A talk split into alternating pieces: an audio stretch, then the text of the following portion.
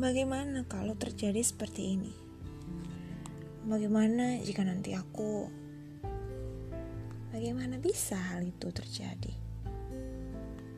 Apa yang terjadi kalau dia atau seharusnya aku mengatakan seperti ini supaya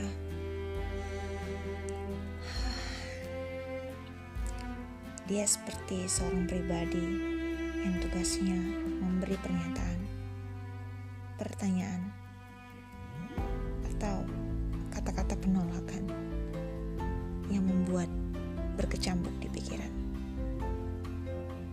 Atau yang tugasnya mengacaukan jiwa di saat hening dan terlalu vokal masuk dalam relung pikiran. Seakan jiwa dia menikmatinya. Tapi sesungguhnya ingin berteriak mengusir jauh hingga tak mengganggu tanpa diundang, dia seperti ada di atas permukaan. Kadang tenggelam begitu dalam.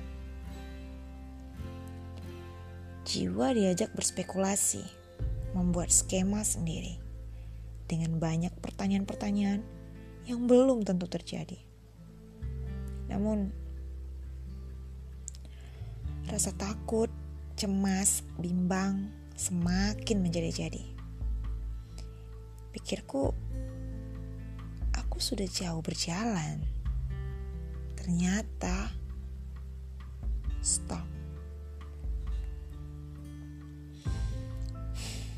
Hanya jalan di tempat dan waktu banyak terlewat. Dan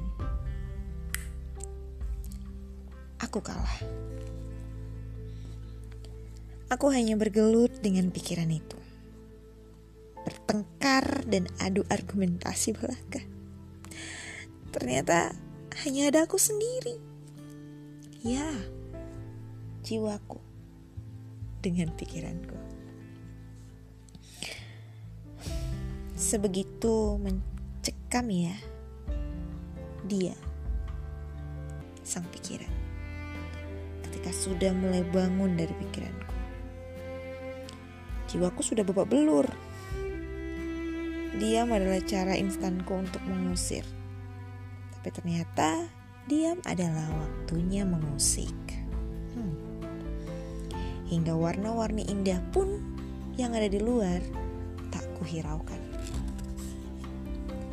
Sekarang aku mengarahkan mataku ke langit, pohon-pohon yang tumbuh tinggi, bunga warna-warni bermekaran.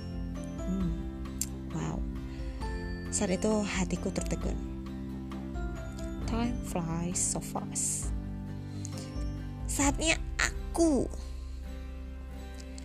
Hati kecil terus berusaha menyampaikan kepada Sang Pencipta. Selalu. Selalu. Agar aku bisa keluar dari zona ini. Terkadang dan mungkin selalu ya pernah merasakan lelah karena pikiran sendiri. Sampai di satu waktu, aku berterima kasih atas waktu. Hmm. Sedikit demi sedikit, jiwa ini kembali. Dan ketika dia, sang pengganggu pikiran datang, jiwaku berteriak kencang untuk mengalahkan dengan aku mengucapkan kata-kata mau tidak mau aku harus menerimanya siap tidak siap aku harus menyelesaikannya Ya, sesekali aku menarik nafas sedalam-dalamnya. Untuk menetralkan pikiranku. Tidak jarang juga aku memeluk dan berbicara dengan diriku yang tidak sebentar sudah berjuang. Aku lakukan itu alih-alih agar dia tidak mendominasi di pikiranku. Ya, kepalaku ini. Aku memberanikan diri, membagikan cerita ini bukanlah hal yang mudah. Tapi aku sadar, tidak sedikit jiwa yang ingin pulang. Kembali merasakan, menerima, dan siap take action versi masing-masing. Untuk memberi yang terbaik dari dirinya setelah sekian lama babak belur. ya, babak belur di medan awang pertempuran dengan dia yaitu pikiran. Sebelumnya tidak sedikit juga orang-orang di sekitar menganggap hal ini tabu ya, aneh atau alay. Tapi kita tidak bisa menghakimi mereka atau bahkan orang-orang yang menjudge kita. Ya, itulah kenyataannya. Perjuangan akan dimulai jika kita mulai bertekad no more overthinking, panic attack, atau lainnya.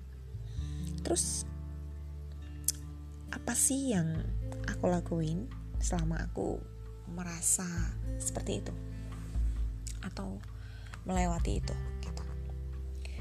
Tapi zaman sekarang itu banyak ya, sudah banyak di media-media yang memberikan tips ya, bahkan mudah untuk menemukan wadah konseling. Kalian bisa melakukan itu, tapi yang aku lakukan adalah ya, hmm, aku menulis, menulis dengan sadar dan konsisten. Ya, aku menulis apa yang di pikiranku. Aku menulis apa yang di pikiranku yang mereka bicarakan.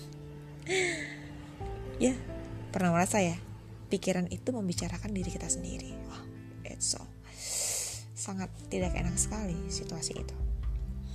Dan aku menulis harapanku di balik banyaknya pertanyaan. Dan aku berusaha terus bercengkrama kepada sang pencipta yang telah mendengarkan teriakanku.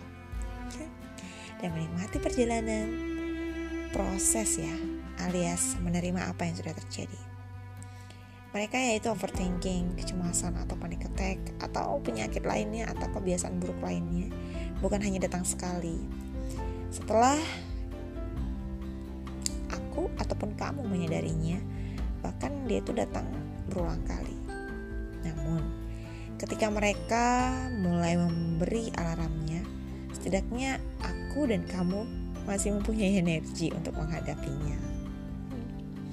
Dan setidaknya kita sadar apa pun yang menjadi kerikil yang membuat kita jatuh karena hanya kita satu-satunya ciptaan yang keren yang memiliki hak untuk menyambut masa depan yang indah dan terbaik untuk cerita hidup kita di masa depan.